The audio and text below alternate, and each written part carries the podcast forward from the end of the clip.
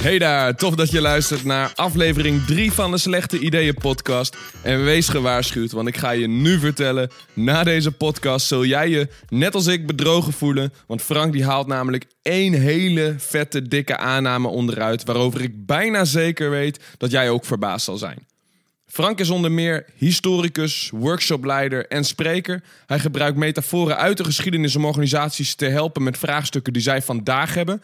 Ehm, nou, ik heb nooit heel goed opgelet in de geschiedenislessen. En ik ben daarom juist nu super nieuwsgierig wat Frank te vertellen heeft.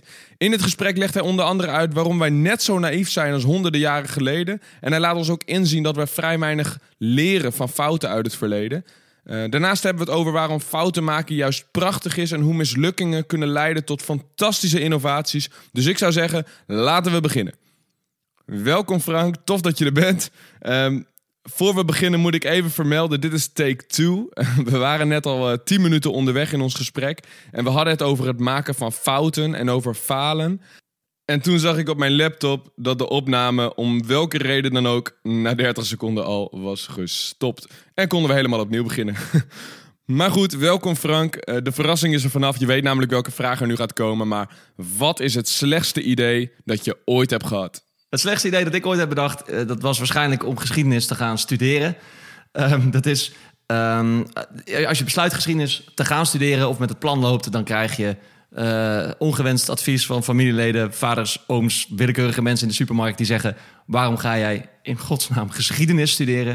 Wil je geschiedenisleraar worden? Nou, bij mij was het antwoord nee. En dan houden de opties op. Dat is het enige wat mensen kunnen bedenken wat je met geschiedenis zou kunnen doen.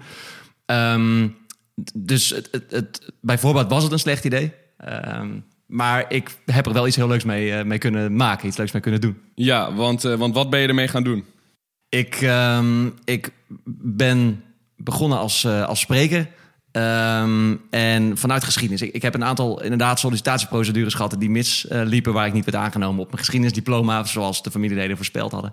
Toen ben ik gaan nadenken: oké, okay, dit werkt niet, wat werkt wel? Wat gaan we dan wel doen? Dan kwam ik op spreken. Uh, dat doe ik al lang en dat vind ik erg leuk. Dan ga ik, when credit is due, het was het idee van mijn vrouw om geschiedenis op deze manier te gaan gebruiken. Als ik dat nu niet ja. zeg, dan krijg ik dat straks te horen. Ja, ja. Um, ik kom bij uh, bedrijven, bij congressen um, om uh, kwesties, die, problemen die zij hebben, waar zij mee komen, aan te vallen, op te lossen vanuit een historische casus. Dus ik zet geschiedenis in, in het, in het huidige bedrijfsleven om te helpen situaties uh, te ontwarren, zeg maar.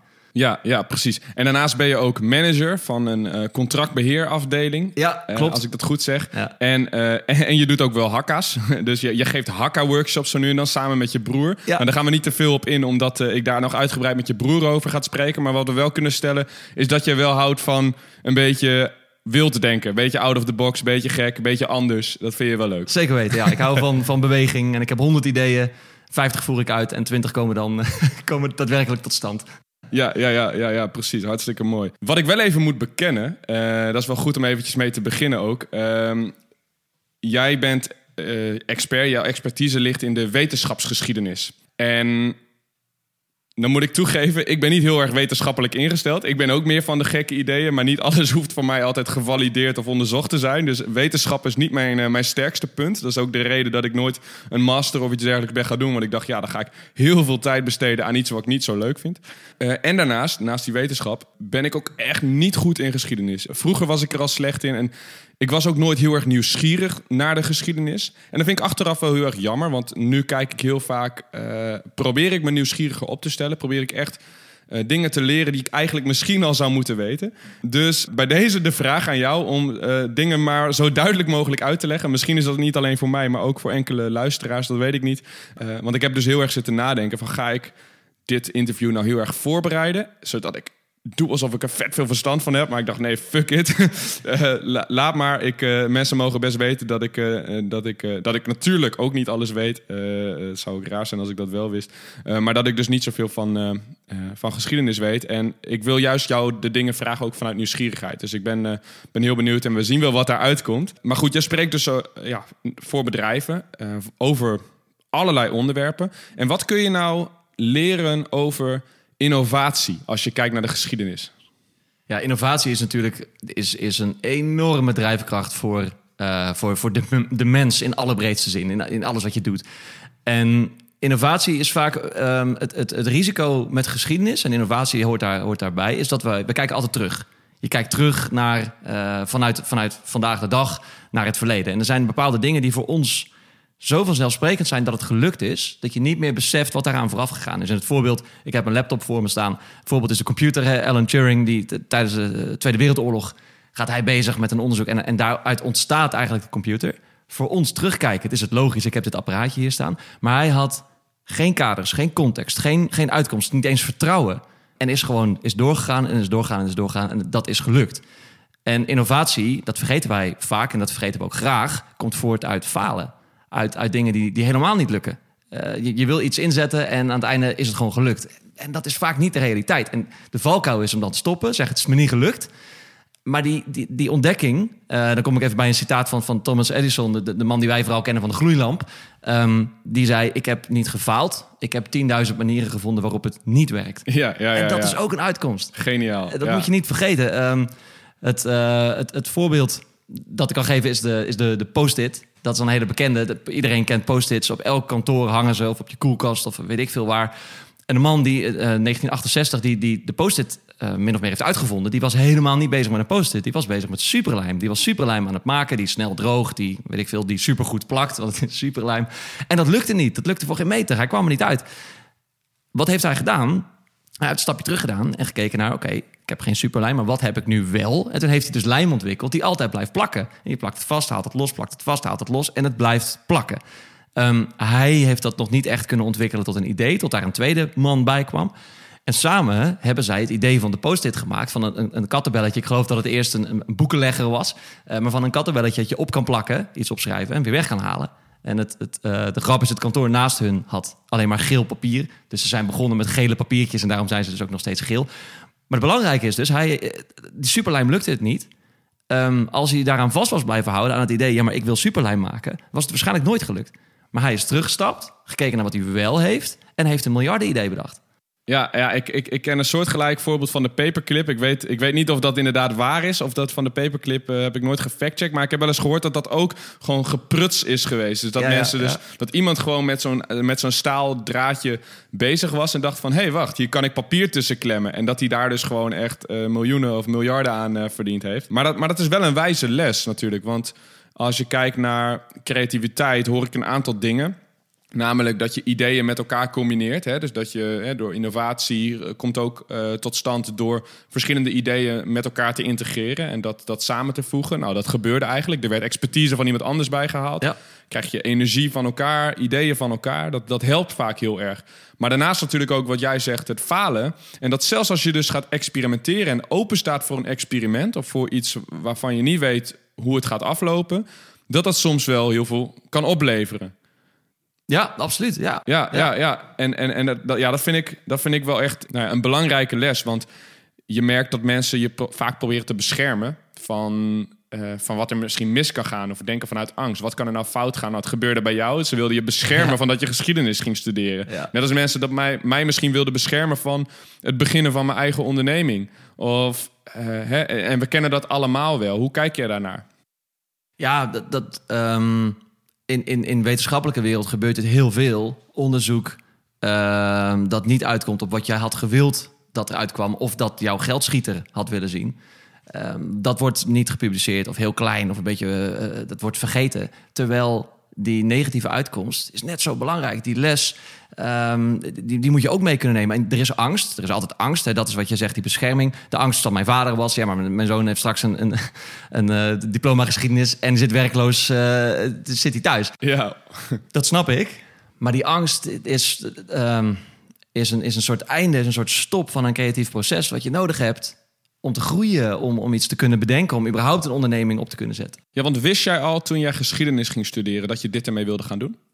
Zeker niet. Nee, ik had, ik had, toen ik begon met geschiedenis studeren... toen had ik überhaupt mijn eigen toekomst nog niet in het vizier. Daar dacht ik niet over na. je, was, je was er nog niet mee bezig. Nee. nee. en dat, dat vind ik wel heel mooi, want ehm, dat is mijn ervaring in ieder geval. Dat ook als je ergens aan begint zonder dat je weet eh, ja, wat het precies gaat opleveren, eh, of misschien met een heel ander idee dat het gaat opleveren, ehm, dat als je er gewoon aan begint, dat er heel vaak deuren open gaan waarvan je zelf niet eens wist dat ze er waren. Dus eh, jij zegt, ik ben een pad ingeslagen en ik wist niet wat ik ermee ging doen. Maar uiteindelijk vormt zich vaak wel een pad. En dan denk ik ook altijd, ja, wat, wat is het ergste dat er kan gebeuren? Ja, nou, dat is, dit is die post-it. Dat, dat pad had hij nooit bedacht. Nee. En dat was dat is waarschijnlijk het, het beste dat hij in zijn leven heeft gedaan. Ja, ja. En, en, en vond je dat lastig? Of, of, of denk je dat... Vind je dat lastig als, ehm, als jij een idee hebt en je wil daarmee aan de slag, maar je krijgt veel kritiek. Of je hebt allemaal mensen die zeggen: nee, dat zou ik niet doen. Of hoe ga je daarmee om? Mm. Het eh, antwoord op je eerste vraag: ja, dat vind ik lastig. Ja, dat zeker weten. Dat, is, dat ligt ook aan van wie. Uh, ik kan er heel slecht tegen, inderdaad, als ik, ik of als we met een, als er een idee ontstaat en iemand bijvoorbeeld zegt: nee, stop, einde. Je hebt het niet geprobeerd. Je hebt het niet. Uh, zo is er zelfs een. een, een uh, ik, ben, ik ben zelf drummer. Een band uit elkaar gevallen. Omdat ik kwam ik met een idee. En dan zei we voor we het überhaupt hadden gespeeld. zei er iemand meteen al: nee, wil ik niet. Einde. Ja, dan, dat, dat vind ik verschrikkelijk. Dan kom je in een situatie die niet meer is op te lossen. Een compromis kan niet. Als iemand zegt nee, stop. Uh, dan, dan loop ik weg, dan ga ik ergens anders iets doen. En heb je dat ook wel meegemaakt in je, in je, in je zakelijke leven, in je carrière? Dat mensen dus op die manier omgaan met ideeën? Of dat, dat die harde nee echt door de muren doorklinkt, zeg maar? Nou, um, niet heel erg, omdat ik één, het, het bedrijf waar ik, uh, waar ik mijn kantoorbaan zeg maar heb, is, is heel innovatief. Dat gaat heel snel, dus daar, daar kan het wel. En binnen mijn spreekopdrachten, ik, ik kom bij een bedrijf binnen nadat zij een hulpvraag bedenken. Dus zij hebben al de mindset, wij moeten iets oplossen. En daar, daar hebben we even een out of the box, daar hebben we iets anders voor nodig. Dan komt Frank. Um, dus dan is er al een soort bedding voor die verandering die ik, uh, die ik kom voorstellen. Wat voor hulpvragen komen bedrijven mee? Mm. Um, ja, veel. Eigenlijk is heel veel terug te brengen op communicatie. Uh, dan heb je het over uh, een fusie en die, de, de, twee uh, afdelingen die nu samen zijn, die liggen elkaar niet, want ze stonden vroeger tegenover elkaar. Of we halen onze doelen niet, waarom? Of uh, we gaan de grenzen over, hoe bereiken we de andere cultuur? Heel veel dat soort vragen krijg ik die eigenlijk teruggaan op, op communicatie. Op hoe overbrug je nou de verschillen die, die er zijn. Die we misschien nog niet eens kunnen vastpakken, maar die er wel zijn, die voelbaar zijn. Ja, ja, precies. En kun je een concreet voorbeeld noemen van een hulpvraag die je eens een keer hebt gehad? Ja, ja dat, dat, een leuk voorbeeld was inderdaad een fusie. Het is eigenlijk een combinatie van wat ik net zei. Een fusie van een Nederlands bedrijf met een Belgisch bedrijf. Um, die dus één, zij waren vroeger concurrent en kwamen nu samen. Twee, je hebt de Belgische cultuur en de Nederlandse cultuur. En dat hebben ze onderschat. Wat dat betekent. Want dat betekent behoorlijk wat, die, die verschillen. Ja.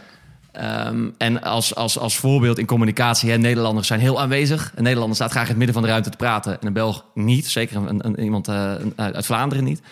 Um, een Nederlander schudt de hand, een Belg niet. Dat zijn kleine dingen, uh, maar ook woorden die iets anders betekenen.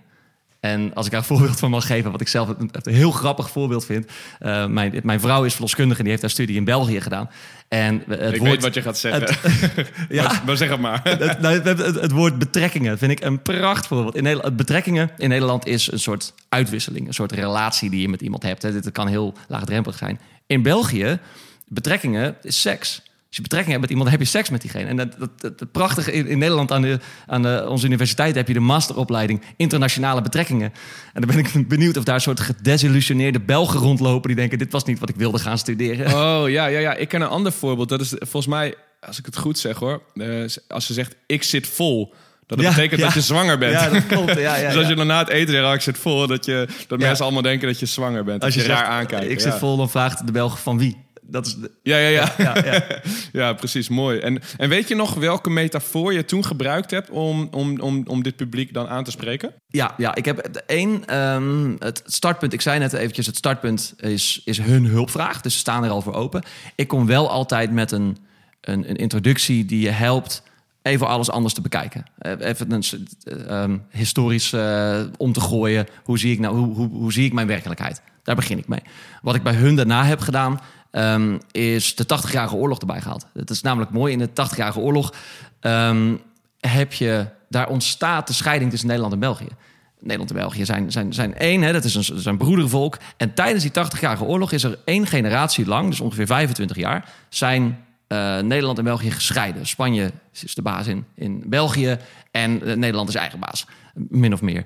En in die periode ontstaan dus de verschillen die wij nog steeds kennen. In de taal, in de gebruiken, in de uh, opvattingen.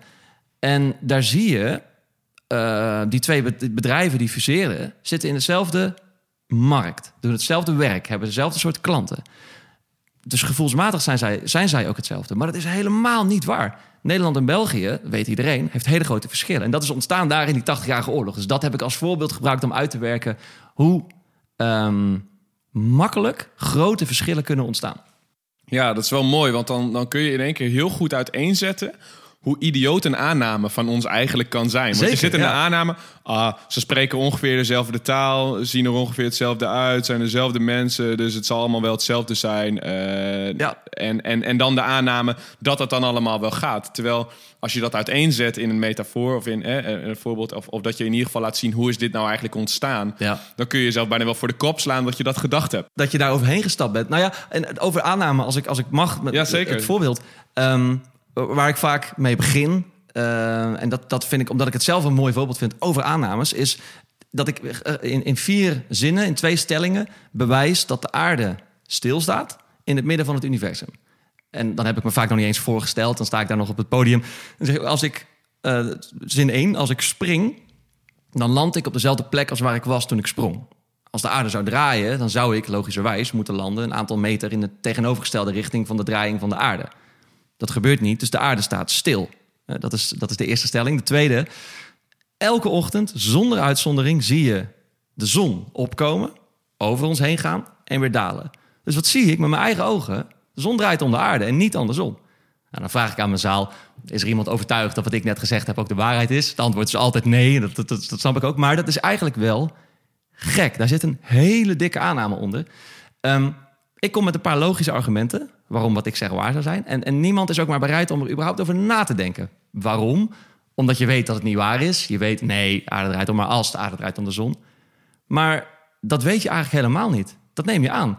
En dat je dat aanneemt is niet zo gek, want de mensen die jou dat verteld hebben, die vertrouw je. Wetenschappers, politici, uh, docenten, die hebben jou dat verteld. Jij, jij neemt dat aan, maar je weet het niet. Sterker nog, je kunt het waarschijnlijk helemaal niet eens bewijzen. Dat is moeilijker dan je denkt. Bewijzen dat, dat wij om de zon draaien en niet andersom. Want je ziet toch dat het niet zo is. En dat haal ik aan omdat um, iemand die in 1420 zeker weet dat de aarde stilstaat in het midden van het universum en de zon om de aarde draait.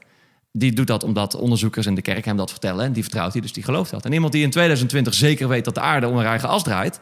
Ja, dat, omdat NASA het zegt, neem ik dat aan. Dus als wij elke keer dat wij zeggen... mensen waren vroeger naïef en dom en geloofden alles maar... Nou, waren, die kun je er wel aflaten. Dat zijn we nog steeds. Dat doen we gewoon nog steeds. Ja. Dat zijn het soort aannames die heel diep zitten. Dat is wel een heel mooi voorbeeld. Want um, als je dan kijkt naar de geschiedenis ook... Um, je zit natuurlijk continu in die biases. Hè? We hebben allerlei biases in, in ons hoofd. Maar in de geschiedenis is er ook ooit iemand geweest... die ons wijsgemaakt heeft dat de aarde rond was. En toen was dat ook gestoord, weet je. Toen was, nee, de aarde is niet plat, weet je. Dus, dus, dus er moet uiteindelijk iemand opstaan uh, die zegt... ja, maar wacht even, ik ga daar niet in mee. Ik ga jullie aantonen dat het anders is. Maar dat vergt wel een hoop uh, lef en, en, uh, en ballen ja. om dat te doen. Nu moet ik... Oh, ik, ik, hoop dat je me dit vergeeft. Bedankt dat je dit voorbeeld geeft. ik vergeef het je bij voorbaat. de, aarde, de aarde was altijd al rond. de, de, de, de stelling, als je even de stelling hebt... men geloofde in de middeleeuwen dat de aarde plat was. Als een historicus zegt men geloofde in de middeleeuwen, dan bedoelt hij ik weet niet wie en ik weet ook niet wanneer. Dat, dat is, het is namelijk niet waar. Uh, Niemand geloofde dat. Nee, nee, het, het, zal vast een individu hebben gehad. Maar uh, Christopher Columbus, die op de Santa Maria naar India denkt te varen en uitkomt in wat nu Zuid-Amerika is, wist donders goed dat die aarde rond was. Hij wist alleen niet dat daar nog een landmassa tussen zat. Maar die aarde is altijd al rond geweest. En dit is een, een, een mooi voorbeeld, omdat Um, dit is een hele hardnekkige, hè? Die, die, die ja, platte ja, aarde. Je hebt zelfs mensen die nu zeggen... vroeger geloofden we dat, dus we gaan het nu weer geloven. Terwijl dat dus niet zo is. De uh, stelling daaronder is dat wij, de moderne mens... meer waard zijn, intelligenter zijn, slimmer zijn dan onze voorouders. Dat is een hele gevaarlijke. Wauw. Uh, dat is namelijk dat is niet waar. Hè? De mens is onveranderd. Um, en wat hebben wij nodig? Wij als moderne mens, collectief, zijn ontzettend onzeker over onze plaats in de tijd, in de toekomst, tussen de andere dieren. En die onzekerheid, die reageren wij af op ons verleden. Wij zijn een, een soort pestkop van ons eigen verleden. Ja. We trappen dat na, we zeggen er gemene dingen over. Wat gebeurt er dan? Bijvoorbeeld, wij zeggen... ze geloof dat die aarde plat was. Pff, moet je kijken, wat, wat stom. Maar wij zijn slim, want wij weten dat dat niet zo is. Dus wij komen dan heel goed uit de verf, zij niet. En zo hemelen we onszelf een beetje op. Onterecht. Ja, jemig, bizar zeg. Ja, nou ja, ik- en, en, en, het, en, het, en dat is dan wel weer grappig, want dat is dan een aanname van mij. Maar eigenlijk dus ook weer van de hele wereld. Want dat echt enorm veel mensen, ja. bijna iedereen die denkt dat, dat we dat vroeger dachten. En ik kan me ook nog voorstellen ook, want ik, als ik nu om me heen kijk, denk ik ook, ja, het is plat land of zo, weet je. Dus Ja. ik zou me best kunnen voorstellen dat ze dat gedacht hebben. Maar Zeker hier in Groningen. Dus, eh, ja, zeker hier in Groningen en überhaupt in Nederland is natuurlijk alles plat. de, de, de stelregel, dan ga ik nog even, nog even de, de stoffige historicus zijn. Ja. De stelregel is als de Grieken het wisten, dan wisten de middeleeuwers het ook. En de Grieken hebben, het, eh, ehm, de Democritus heeft de omtrek van de aarde nou bijna nauwkeurig berekend. Als zij dat wisten, dan wisten de middeleeuwers het ook. Daar kun je een beetje van, van uitgaan. Maar ik, ik, ik ga compleet over je eigenlijke vraag heen. Over de durf en het lef van ergens tegen ingaan. En daar heb ik een mooi voorbeeld bij, als je me dat eh, Ja, ja, toestaat. Ja, zeker. En dat is een, een hele bekende in Nederland, ehm, Aletta Jacobs.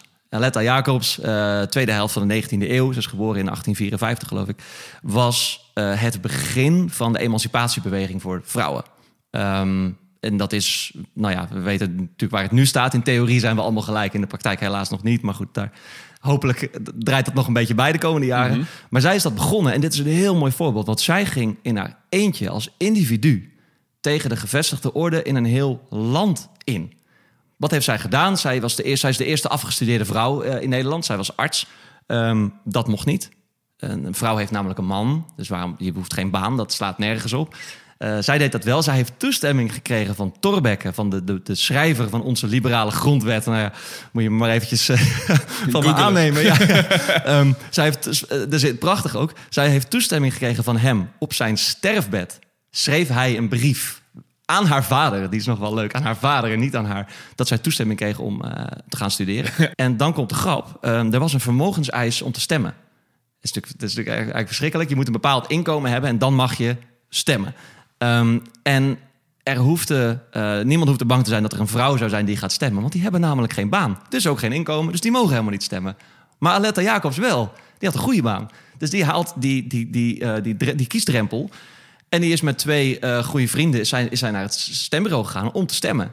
En met die, het is dus al de tweede keer. Eén was de studie. En twee goede vriendinnen hoop ik dan. Vriendinnen, ja, ja, ja, dat waren inderdaad twee goede vriendinnen, dat klopt.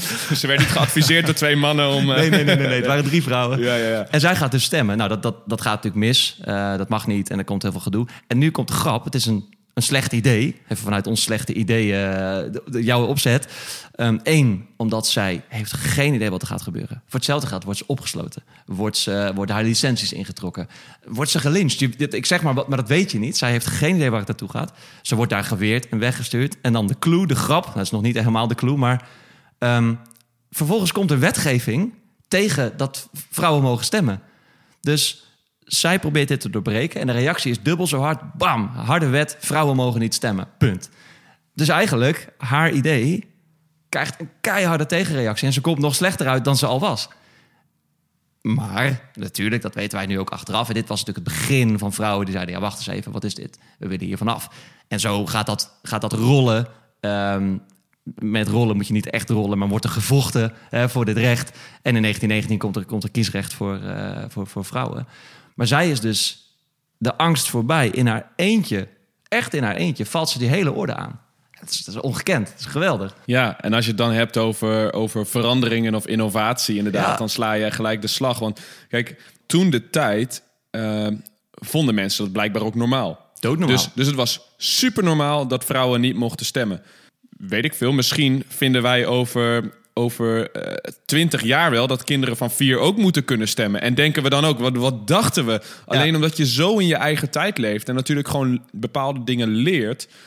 Ja, weet je, leer je dus ook aannames aan, je leert gewoontes aan, je leert, je leert dat wat jij doet, dat dat normaal is. Of dat wat jouw omgeving doet, dat dat normaal is. En ehm, dat vind ik ook wel heel interessant rondom bijvoorbeeld eh, de, de Black Lives Matter discussie, et cetera. Want je, je, als je kijkt naar bijvoorbeeld 50 jaar geleden, nou toen was het nog wel even wat anders, zeg maar. Was het ja. heel anders, nog, Ja. nog veel heftiger eigenlijk. En eh, tenminste, eh, denk ik. Ik was er niet bij. maar ik vind het dan wel al bizar dat bijvoorbeeld mijn opa en oma die leefden in die tijd. En die hebben... eh, die vonden dat misschien toen ook wel normaal. Weet ik niet, heb ik ze niet gevraagd. Maar die vonden dat misschien toen ook wel normaal, hoe er toen gedacht werd. En dat is allemaal twee generaties alweer een hoop veranderd. En dan kan ik wel denken, oh, nu is het goed. Maar misschien heb ik wel diezelfde bias... in ieder geval mensen in die tijd hebben gehad. En dat is natuurlijk wel een belangrijke les. En dat haal je eigenlijk uit, uit, uit, uit alle voorbeelden die jij geeft ook... dat dat de meerderheid niet altijd gelijk heeft. En, en, en binnen organisaties heb je vaak structuren, bijvoorbeeld overheid of zorg of onderwijs, heb je allerlei regels, bureaucratie en het moet zo en we doen het al jaren zo en al, allemaal dat soort termen. Dus alles wat je voor nieuws inbrengt, dat wordt gelijk platgeslagen. En dat is wel.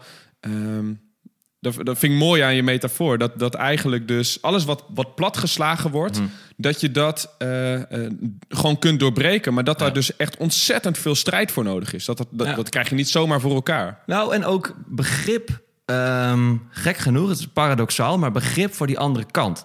Ehm het een, die kan ik even niet nalaten, is een, een citaat van John Oliver, de persoonlijke held van mij, eh, de, de- de- die eh, een, een eh, talkshow heeft, een Amerikaanse talkshow. En die, eh, heeft, die stipt ook dit aan. En die zegt dan, als mocht jij nu het gevoel hebben dat al die problemen rond eh, ongelijkheid tussen eh, met rassen en ongelijkheid mannen en vrouwen, dat het voorbij is, gefeliciteerd met je blanke penis. Ja, Vind ik een prachtig voorbeeld. Dat is natuurlijk wel een beetje wat, wat er gebeurt. Maar dat racisme is een heel goed voorbeeld. Het is ook een belangrijk voorbeeld, juist omdat het zo speelt. Ehm, wat helpt voor begrip, is het racisme om te draaien. Stel je voor dat er nu een onderzoeker komt die bewijst, voor zijn gevoel, en die publiceert dat heel groot, die bewijst dat er verschillen zijn tussen rassen, dit en dat. Dan gaan bij mij mijn nekharen meteen overeind staan. Ik, ik, ik gooi het meteen nou ja, in de kachel of ik de ritueel verbrand de- dit onderzoek, want dat kan niet zo zijn. ja, ja. Als je dat omdraait, dus nu is het, eh, ik, heel diep in mij zit het geloof, vrouwen zijn minder dan mannen en ze kunnen niet meer dan, wat ze, dan, dan het huishouden. En Aletta Jacobs komt en die zegt, het is allemaal onzin, want ik kan het wel. Ik, geen zin om dit goed te praten, maar wel om het besef te hebben wat die verandering heeft betekend. Dat je dan een, een hele gevestigde orde hebt die zeker weet dat het niet zo is. Net zo zeker dat wij weten dat de aarde rond is. En daar vecht je tegen. Daar moet je onderuit. Ja, dat, is, dat is enorm. En wat kunnen we daar dan van leren? Want kijk, eh, als je kijkt naar de geschiedenis, dan zijn er natuurlijk een hoop echt protesten en, en, en, en mensen in opstand gekomen. Er is gevochten, eh, er is van alles gebeurd Ja. ehm, om hè, bepaalde veranderingen teweeg te brengen. Maar ja, je gaat niet een verandermanager bij een organisatie adviseren om eens even een oorlog te beginnen binnen dat bedrijf. Dus dan is draagvlak weer heel belangrijk. En, eh, dus er zijn hele andere dingen eigenlijk belangrijk, als ik dat zo even naast elkaar leg, dan in die grote veranderingen in, in, in de wereld. Ja, eh, ehm, de oorlog die ontstaat, en zelfs nu de, de, de, de, nou ja, bijna burgeroorlog die in Amerika be- begint te woeden, het is echt verschrikkelijk. Die oorlog is er omdat er zoveel tegenstand is.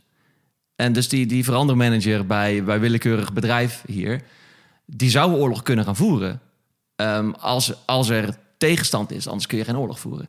Het, wat je wil is ehm, het besef als iemand iets zegt wat ik niet begrijp, maakt dat niet dat dat niet waar is. Dat is natuurlijk een beetje een dooddoener, maar dat, ik vind het wel een hele belangrijke. Dus iemand zegt tegen mij, ehm, die gaat tegen iets in wat heel diep in mij zit. Wat, wat ik echt zeker weet. Mannen en vrouwen zijn, zijn aan elkaar gelijk. Dat is zeker voor mij. En iemand valt dat aan. In plaats van dat ik meteen met emotie terugkom en, en, en heel hard reageer, dat is oorlog doe ik een stapje terug en denk ik na over wat diegene zegt. Oké, waarom zegt diegene dit? Waarom is het belangrijk voor diegene? Wat is de context? Wat zit erachter? Hm, Et cetera, et cetera. Ehm, dit is natuurlijk een heel extreem voorbeeld, maar binnen bedrijven kan het soms echt wel oplopen. Maar dit is er nodig. Dat is jouw MT of jouw leidinggevende of wie dan ook niet meteen terugblaft, maar even zegt: Oké, wat zeg je nu eigenlijk? Waarom is het voor jou belangrijk? Want het kan ook nog zijn dat iemand iets roept: Dit moet anders. En die heeft dan een, een, een soort kapstok van dit is, dit is alles wat ik bedoel. Maar wat daaronder zit, is ik voel me niet gewaardeerd. Daarboven, bij die dit moet anders, daar zit de oorlog. Daaronder, bij die ik word niet gewaardeerd, daar zit de oplossing. Dus ik, ik, ik, hoop dat het een antwoord is op, op wat je zei. Ja, die ja, oorlog ik- kan ontstaan. Maar dat gaat vaak niet over het echte onderwerp. Ja, nee, ik zit erover na te denken. Want ik ben, ik ben het met je eens. Ik hou er ook heel erg van als, als, als mensen. En, en dat, dat is niet omdat ik dat zo goed kan of uh, doe. Maar, maar ik, ik, ik vind het wel heel belangrijk om goed te luisteren naar een ander. En, uh, en dat we dat met z'n allen meer doen. En ik denk dat dat de, de oplossing zou kunnen zijn voor heel veel discussies die we in het land voeren. Denk aan Black Lives Matter, maar denk ook aan alle politieke discussies bijna.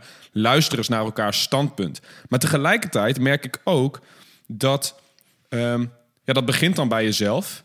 Maar dan lever je ook heel erg veel in. Mm. Ik moet altijd even denken aan bijvoorbeeld uh, Lodewijk Asje. Mm. Dan vind ik altijd iemand die best wel veel nuance heeft. Dus die, die, uh, die is niet heel stellig of die is niet heel erg schreeuwerig. Integendeel. Maar die wordt daardoor wel ondergesneeuwd door die anderen. Dus, um, dus in welke mate heeft het dan effect als jij dat gaat doen, maar de rest niet? Mm -hmm. uh, snap je wat ik bedoel? Ja. Hoe, hoe, hoe is dat? Nou ja, binnen de politiek moet je ook uh, je moet het spelelement zien. Dus het is eigenlijk vaak is dat een, niet helemaal een passend voorbeeld, omdat wat gebeurt er in de Tweede Kamer? We zijn bezig met Kamervragen. Um, ik vertegenwoordig daar een achterban en ik wil dat zij voelen wat ik zeg, dat zij begrijpen wat ik zeg, dat zij meekomen in wat ik zeg. Um, het is niet per se in mijn gewin om begrip te gaan tonen voor wat die ander zegt. Dat wil ik eigenlijk helemaal niet. Ik wil vooral dat men dus ik chargeer even een beetje, ziet dat ik, ik vind dit. En dat blijven we doen. En dat is geen discussie. Dat zijn gewoon roepende mensen. En in een discussie, dan heb je dat luisteren, het uitwisselen, ook wel compromis. Um, maar in de politiek is het vaak ook het, spel om dat helemaal niet te doen. En dat zie je ook, want partijen die, laten we het zo zeggen, die dusdanig veel schreeuwen dat ze ook eigenlijk helemaal niet kunnen meeregeren. Maar die hebben wel het zicht, die hebben wel de aandacht, die hebben wel de steun. Uh, ondanks dat ze helemaal niet, niet geïnteresseerd zijn in een discussie. En het verschil wat ik merk als, als ik bij een bedrijf kom, is dan is er wel interesse in discussie. En die discussie kan hoog oplopen. Maar het belangrijkste element in discussie is luisteren. Is, uh, dat zie je wel eens gebeuren. Dat heb je misschien ook wel eens gemerkt. Dat is wel grappig altijd. Er ontstaat een discussie. En die twee personen die aan het discussiëren zijn... die hebben allebei voor ingenomen al de komende drie, vier zinnen gepland. Absoluut, En die ja. gaan ze zeggen. Ongeacht wat die ander zegt. Doet ja, het helemaal niet. Ja, ja, ja. ja, dat is geen discussie. Dat is, dat is naar elkaar roepen. Ja. Ja, ik stoor me er ook heel erg aan als je dan een interview luistert of een, een debat op uh, televisie of zo. Dat, dat twee mensen met elkaar in debat zijn bij op één. En dat ze dan elkaar niet uit laten praten. En dan de hele tijd willen inbreken bij elkaar. Maar dat je dan ook merkt dat mensen dus, uh, de, degene die aan het woord is, nog sneller gaat praten. Om maar te ja. zorgen dat hij niet onderbroken wordt. En dat je dan een soort race tegen de klok krijgt. Daar word ik altijd zo onrustig van. Dat ik denk, joh. Uh, laat elkaar, luister even naar elkaar of zo. Ja. En, en, tegelijkertijd besef ik me ook, want dat is de reden waarom ik het ook vroeg. Um, oh, ik stoot tegen de tafel aan. Dat is de reden waarom ik het vroeg, is dat. Um, ik kan me herinneren dat uh, die Zwarte Piet-discussie steeds heviger werd. Hè? Dus uh, rondom, uh, rondom Zwarte Piet. Dat er steeds meer commotie was, steeds meer ruzies en, en, en protesten en, en, en alles, noem maar op. En in eerste instantie dacht ik, hè, maar dit zorgt toch alleen maar voor polarisatie. Nu gaan we toch nog meer tegenover elkaar staan. En in die tijd, ik weet niet hoe oud ik was, maar toen, toen zag ik er ook nog geen kwaad in. Terwijl nu besef ik me wel, nou, eigenlijk is het best wel gek. En, um, en daarnaast, als, als mensen het überhaupt vervelend vinden, waarom zouden we het dan niet gewoon aanpassen? Wat is nou eigenlijk het probleem? Waar maken we nou zo'n probleem van? Dus Um, maar al die jaren daarvoor was er ook al protest. En toen was het misschien veel meer vredelievend. En terwijl, dus mijn eerste reactie was: oh wacht, dit zorgt voor polarisatie. Maar als ik er nu naar terugkijk, denk ik van ja. Maar misschien, als dat niet was gebeurd, dan was ik ook niet anders gaan denken. Of dan was ik mm. misschien ook wel in mijn aanname gebleven dat het misschien wel oké okay is. Dus mijn vraag is dan ook een beetje, als je kijkt naar organisaties, daar is natuurlijk, als je het hebt over organisatieverandering, dan wordt er heel erg gesproken over dat draagvlak super belangrijk is. En ik ondersteun dat echt wel. Ik vind, dat ook, ik vind dat ook belangrijk. Dat zit ook in mijn persoonlijkheid, denk ik. Mm. En tegelijkertijd vraag ik me nu af... maar misschien is het ook wel goed dat er wat wrijving ontstaat. Dus juist dat in organisatieverandering van alles misgaat... is misschien juist wel het slagen van een organisatieverandering. Maar zo, zo kijken we er eigenlijk niet naar, volgens mij. Nee, dit, dit is weer waar we mee begonnen. Die innovatie zien vanuit een eindpunt. Dus wat krijg je dan? Uh, management besluit iets. We willen, we willen die richting op. En het bedrijf protesteert. Zegt nee, dat willen wij niet. Dan, is, dan wordt er iemand ingehuurd, komt er extern iemand bij voor het draagvlak. En draagvlak, dit, dit gaat op definities van de woorden. Ja. Draagvlak betekent dan wat wij vinden. Ja. Zij moeten gaan accepteren wat wij nu vinden. Dat is draagvlak, één kant op. Ja, ja. Dat is natuurlijk helemaal niet waar. Zo, zo werkt het niet. Um, die, directieleden die horen, wij komen met een mooi plan en het wordt meteen kapotgeschoten daar op de werkvloer. Beetje vergelijkbaar met wat ik net zei. Ik kom met een idee en iemand kapt het meteen af. Dat vind ik niet leuk. Dat is ook niet leuk. Maar draagvlak creëren voor hun idee. Het meest belangrijke is begrijpen waar komt nou dit protest vandaan. Zij voelen zich misschien wel bedreigd in, hun, in, in het voorbestaan van hun functie of in, in de ethiek van het bedrijf zoals ze daar twintig jaar geleden begonnen. Of waar gaan we eigenlijk naartoe? En in die, ehm, ja, ze hebben het er nu al over gehad, die Zwarte Piet discussie, is dat ook zo. Het begrip naar de ene kant, uh, waarom doet deze afbeelding jou pijn? Heel belangrijk. Het begrip naar de andere kant, waarom voel jij je bedreigd als we die afbeelding zouden veranderen? Dat begrip, zolang je dat niet hebt, blijft het oorlog. Blijft het altijd oorlog. En dat is dus binnen het bedrijf ook. Ik wil dat zij dragen. Ik wil draagvlak creëren voor mijn idee. Waarmee ik bedoel, ik wil het door een strot duwen en ze moeten het gewoon accepteren. Ja, dat gaat nooit werken. Dat blijft discussie. Ja, dus het begint met nieuwsgierigheid. Het, het, nieuwsgierigheid en die, die stap terug. Ik heb mijn idee op tafel gelegd. Mensen gaan het kapot schieten nou, laat ze maar even, daar, daar, gaat het niet om. Maar wat zit daar nou onder? En daar heb je vaak inderdaad, of vaak, maar daar kan het heel nuttig zijn om iemand extern te hebben. Want die helpt jou. Ik zie niet uh, Hans en Fred die altijd mijn ideeën kapot schieten. Maar er staat iemand die Hans en Fred helemaal niet kent. En die gaat vragen, maar wat zit er dan van jou onder? Ja. Dat kan heel waardevol zijn. Ja, en dat is de crux. Hè. Als je even heel zwart-wit gaat denken over creativiteit, of, uh, creatieve mensen en niet-creatieve mensen. Uh, je hebt mensen die gewoon heel erg denken in mogelijkheden. En mensen die dat veel minder doen. Een beetje de ja- en de nee-denkers noem ik dat vaak.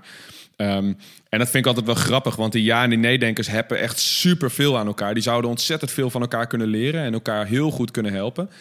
Alleen tegelijkertijd is er altijd een enorme strijd gaande tussen die twee uh, uh, uh, groepen. Dus je ziet dat iemand die een vet idee heeft, zoals wij ook al aangegeven hebben, van goh, soms best pijnlijk als iemand heel hard nee zegt of als iemand ergens van je idee iets vindt. Mm -hmm. Want een, een, echte creatieveling die is dan persoonlijk geraakt. Ja. Terwijl eigenlijk die nee-denker net zo hard aan het werken als jij. Want die probeert jou verder te helpen. Dus uh, wat voor jou voelt als destructie, is gewoon. Uh, uh, is, is juist het helpen bouwen aan je idee. Weet je wel? Alleen ja. dat. Dus die. dat is ook een stuk communicatie wat dan eigenlijk misgaat. Of wat we dan eigenlijk verkeerd interpreteren. Ja, ja, zeker. Ja. Ja, en, en jij, jij zei van nou, veel uh, uh, van alles waar ik over spreek is terug te herleiden. De meeste vraagstukken zijn te herleiden aan communicatie.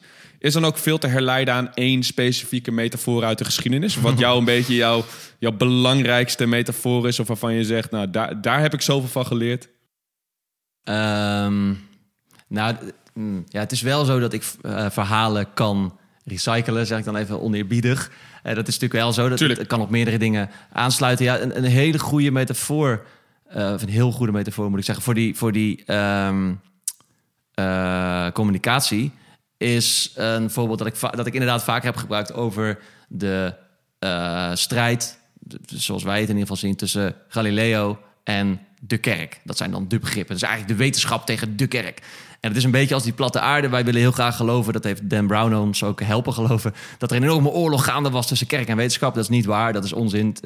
Prachtige boeken die hij schrijft, daar gaat het niet om. Maar het is niet, het is niet historisch. Ja. Um, maar in, in, in, in Galileo zijn um, ideeën waarmee hij het eigenlijk het fundament van de christelijke kosmologie, dus hoe zit onze hele kosmos in, in, in, elkaar, aanvalt. Niet bewust.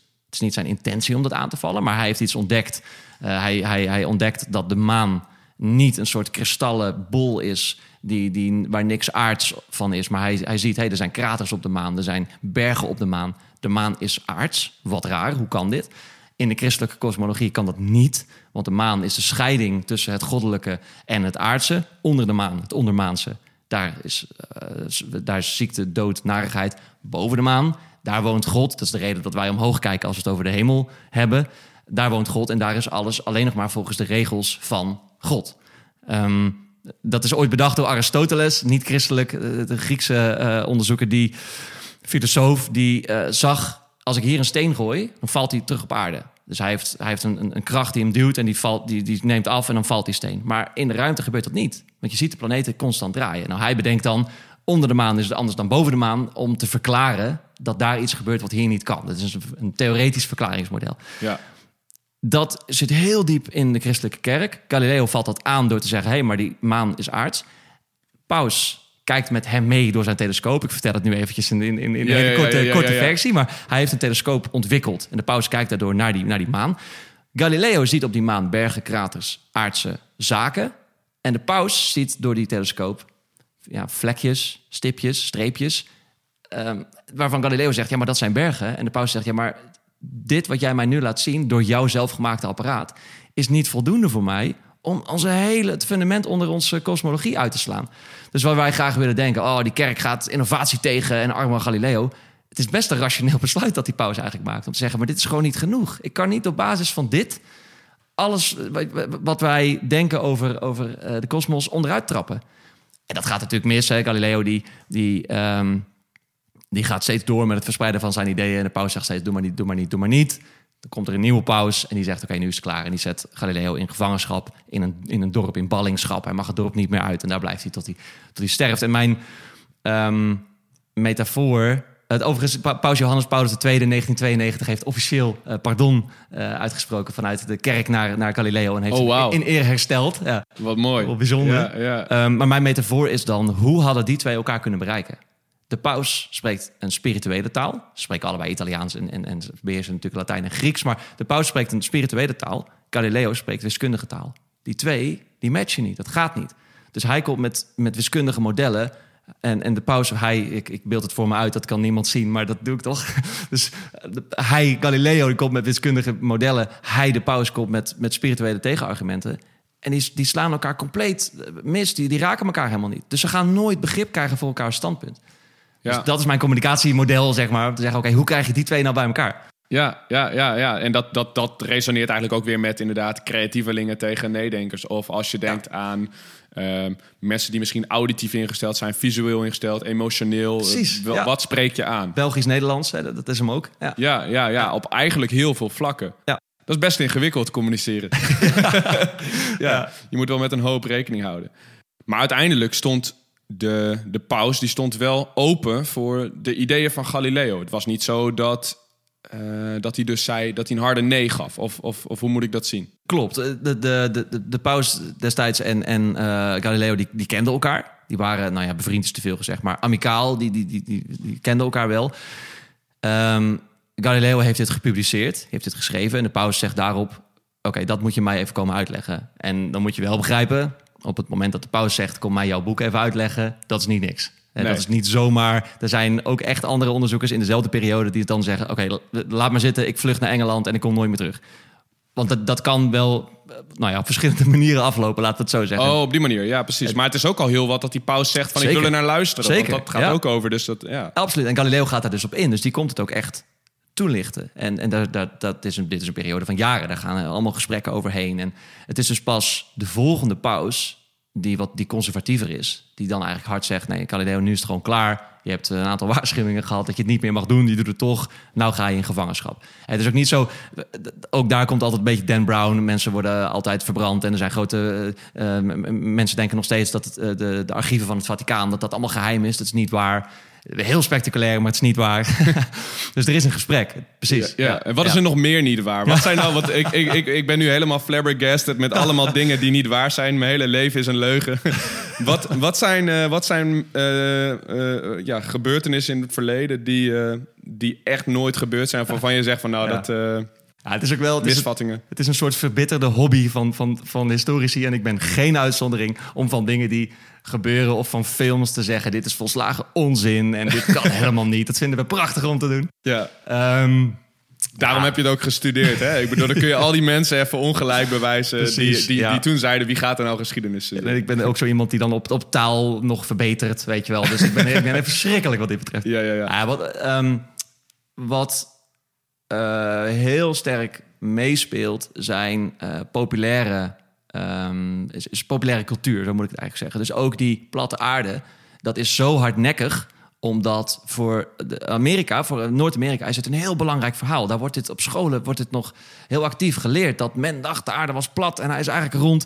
Maar Amerika is ook een vanuit basis een heel vrijgevochten land. Dat heeft niks, dat heeft weinig te maken met hoe ze nu zijn. Zo moet je dat niet zien, maar wel hoe het is ontstaan. Zijn mensen die, die, die, die hier alles achterlieten en daar opnieuw begonnen. En er zit al een soort van tegendraadsheid zit in de basis van dat land. En dat heeft dit ook in zich. De gevestigde orde in Europa zei de aarde is plat, maar hier is ontdekt, uh -uh, hij is rond. Weet je wel? En dat is, um, neem, uh, ja, sorry als ik hier iemand mee, mee pijn doe, maar neem de film Gladiator. Historisch verschrikkelijk, rampzalig, slaat het helemaal nergens op. Prachtfilm. Ik bedoel, ik zit met tranen in mijn ogen te kijken als ik. Maar um, dat uh, uh, van kleine dingetjes als de stijgbeugels die, de, die ze hebben op de paarden, hè, waar ze hun voeten in plaatsen, dat is, dat is eeuwen te vroeg. Die waren er nog helemaal niet. Tot. Um, uh, ik neem aan dat je de film enigszins, enigszins kent. Nee, ik ken hem niet. Nee. nee. Nou ja, wat je daar dus ziet is, is, is Romeinen strak in het gelid. Met, met allemaal dezelfde harnassen in een prachtige testudo. Dat is een, een, schildpadformatie. En dan zie je de wilden in het bos met berenvellen en bijlen en je doe maar wat. Uh, dat klinkt allemaal heel mooi. Alleen voor ons, wij zouden geen verschil hebben gezien tussen een barbaar en een Romein. Die doen precies hetzelfde. Hetzelfde oorlogsgedrag. Ze kopiëren elkaars harnassen. Um, dus er zitten heel veel dat soort verschillen in ons denken over geschiedenis. Die, uh, ja, die gewoon niet zo zijn. Het is gewoon niet waar. Ik moet altijd heel erg lachen als ik de film uh, Jesus Christ Superstar ja, uh, ja. zie. En dat, die dan, dat, dat dan die, die jets overvliegen ja. op duur. Dat je denkt, huh? ja. dat, was, dat, was, ook de hele film is een schop tegen de gevestigde orde natuurlijk. Ja, ja, ja, ja, Maar, maar ik kan me bijna niet voorstellen dat dat niet heel bewust is. is nee, dat, dat was een bewuste keuze. Heel, ja, heel, heel grappig. Maar nee, ja, super tof. Ik vind het leuk om, om even van je te horen ja, wat, wat wij kunnen leren van de geschiedenis. Als je het hebt over innovatie, over creativiteit. Is er nog iets wat we gemist hebben waarvan je zegt van nou dat, dat moet nog wel eventjes, uh, uh, nou ja, dat, dat mag niet ongezegd blijven? Um, ja, um, ik denk het, het, het aller, allerbelangrijkste, en dat is mijn, mijn, mijn, mijn speerpunt natuurlijk in deze verhalen, is dat idee, wij zijn meer waard dan onze voorouders. Um, en dat zit op, op ontzettend veel uh, fronten. Ja, dat, dan kom ik een beetje bij mijn eigen. Um, ik heb wel eens overwogen om op mijn handen Kill Your Darlings te tatoeëren. Omdat ik altijd ga op de, mijn eigen dingetjes die ik leuk vind, waar ik gepassioneerd over ben, die niet per se ook passen in het verhaal. Maar ja. medische wetenschap is daar een prachtig voorbeeld van. Medische wetenschap. Um, tot, tot, tot 200 jaar geleden zouden wij nou ja, totaal niet herkennen. Zeg maar. dat, dat is wat wij magisch, pseudo-wetenschappelijk zouden, zouden noemen. Um, maar daarmee niet volslagen onzin. Uh, bijvoorbeeld, een van de meest bekende de, de middeleeuwse medische, medische handelingen zijn redelijk bruut. Nou, dat is wel waar, want je hebt geen anesthesie, je hebt geen uh, verdoving. Let wel, je hebt geen verdoving tot laat in de 19e eeuw, 1870 en verder. Dus de hele periode had je dat nog niet, maar wij schrijven dat graag op de middeleeuwen af. Um, aderlating, dat is de meest bekende. Je gaat naar een barbier, dat is een, een, een licht geschoold medicus. En daar doe je aderlating om beter te worden. Maar als jij vandaag de dag, als jij, um, dan moet ik even goed zeggen, hemochromatose hebt. Dat is een aandoening waarbij je ijzer opbouwt in je rode bloedcellen en niet, niet, niet meer uh, loslaat. Is aderlating het enige antwoord? Dat wordt nog steeds gedaan. Dus er zit ook, daar zit een soort van context. En dat is, dat is de grote boodschap. Um, laat, zet niks opzij omdat jij bij voorbaat al zegt dat is onzin. Middeleeuwse wetenschap ga ik niet toepassen. Middeleeuws medisch ga ik niet toepassen, want het is allemaal onzin. En dat doen wij, die aanname. Denk even terug aan die, aan die ronde aarde van net. De aarde staat stil in het midden van het universum. Dat soort aannames hebben wij ontzettend veel. En die houden ons gewoon tegen. Ja. En dat los je op door te zeggen... als iemand voorstelt, het belt je in dat jij bij de arts zit... en die zegt, ik ga aderlating bij je doen. Eerste reactie is, ben jij gek? Denk het niet. Als dat jouw eerste reactie is, dan stopt het. Maar laat jouw eerste reactie zijn, waarom? Leg eens uit. Vertel me jouw kant van dit verhaal. Ja, dus eigenlijk het stoppen met het hebben van een waardeoordeel, eigenlijk in het algemeen. Zo breed, ja. zo breed mogelijk. Gewoon stoppen wel, met het ja. hebben van een waardeoordeel. En nieuwsgierig zijn naar waarom doet iemand dit? Ja. Of waarom vindt iemand dit? En dan kun je het, als, je kunt het natuurlijk altijd nog steeds afschrijven. Tuurlijk, ja. Nee, ja het, het, zou ook heel erg idioot zijn om alles aan te nemen ja. wat, je, wat je hoort. Want dat gaat, daar gaat het natuurlijk ook over, over aannames. Uh, maar de nieuwsgierigheid van het standpunt van een ander. En, en ja. uh, dat is natuurlijk... Uh, een mooie boodschap. Ja. Ik, wil, ik wil je enorm bedanken voor, uh, ja, voor je inspirerende verhalen. Ik vond het super tof om, uh, om die, die, ja, die link te leggen, de brug te slaan tussen de mm. geschiedenis en, uh, en innovatie. Voor jouw dagelijkse kost, maar voor mij is dat, dat nieuw terrein. Um, ja, dankjewel. En dat was het einde van, uh, van dit gesprek. Heel graag gedaan. Dankjewel dat ik er mocht zijn. En dat ik mijn verhalen een keer tegen iemand anders kan houden dan mijn vrouw, die er ontzettend moe van wordt inmiddels. ja. Dus dankjewel dat ik hier, ja, ja, ja, ja, goed, zijn. Je vrouw is in ieder geval wel het, uh, het geheim achter jouw succes. Toch? Absoluut. Dus, ja, absoluut, ja, precies. Dus die credits heeft ze al gekregen. Dus dat is mooi. hey, dankjewel.